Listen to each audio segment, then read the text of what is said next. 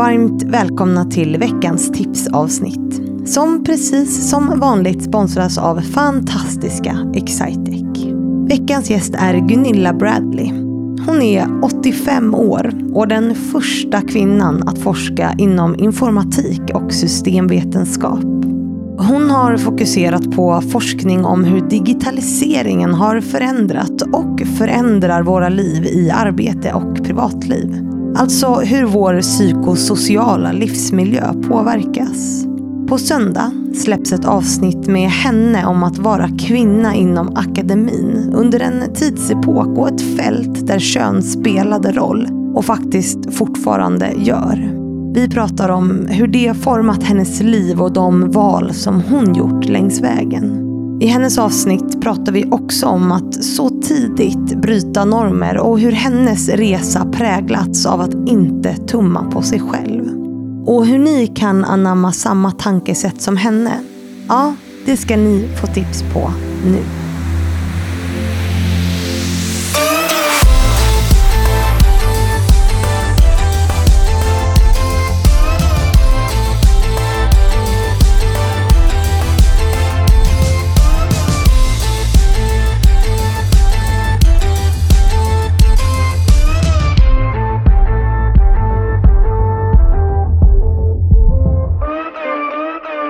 Hej och välkommen Gunilla Bradley. Ja, tack så mycket. Vi har pratat om dig och det är intressant för du är ju en, en äldre generation säger vi nu. Ja, absolut. Eller hur? Ja. Eh, Du är 83 år gammal Ja. och eh, var den första professorn i Sverige inom informatik sa du, men systemvetenskap är ju Ja, det ordet. datasystemvetenskap heter det ibland. Ja. Ja. Ja. Och, och började ju jobba med datorisering, vilket också är ett, ett äldre ord som idag är digitalisering. Ja, har liksom varit med stämmer. hela, hela vägen egentligen sen Mm. datorer var lika stora som det rummet som vi sitter i just nu, berättade du. Eh, ja, stämmer. Superintressant. Alltså en av de första kvinnorna inom IT skulle väl kunna säga också. Alltså väldigt eh, banbrytande inom den branschen. Ja. Ja. säger du och ser eftertänksam ut. Ja. Eh, men du har ju... Eh, Framförallt kanske koppla ihop em, förändringar i, i samhälle, arbete och så ihop med eh, teknikutvecklingen. Eh, själva tekniken har inte helt varit fokus, men i alla fall. Ja, ja, superintressant Ja. i alla fall.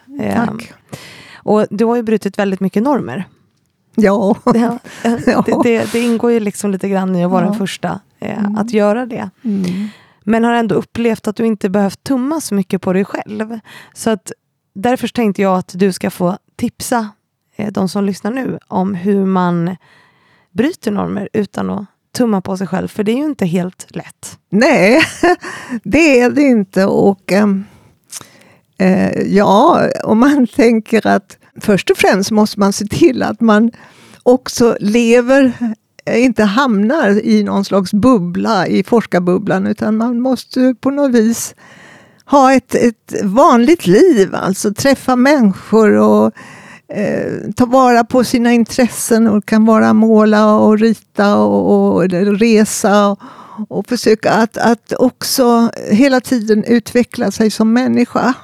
Så det är att försöka inte tappa bort sig, annars så kan man bli uppäten. Det är, det är den första kanske. Det andra är väl också att man måste jobba inåt. Alltså att man ska, det kan man göra på olika sätt.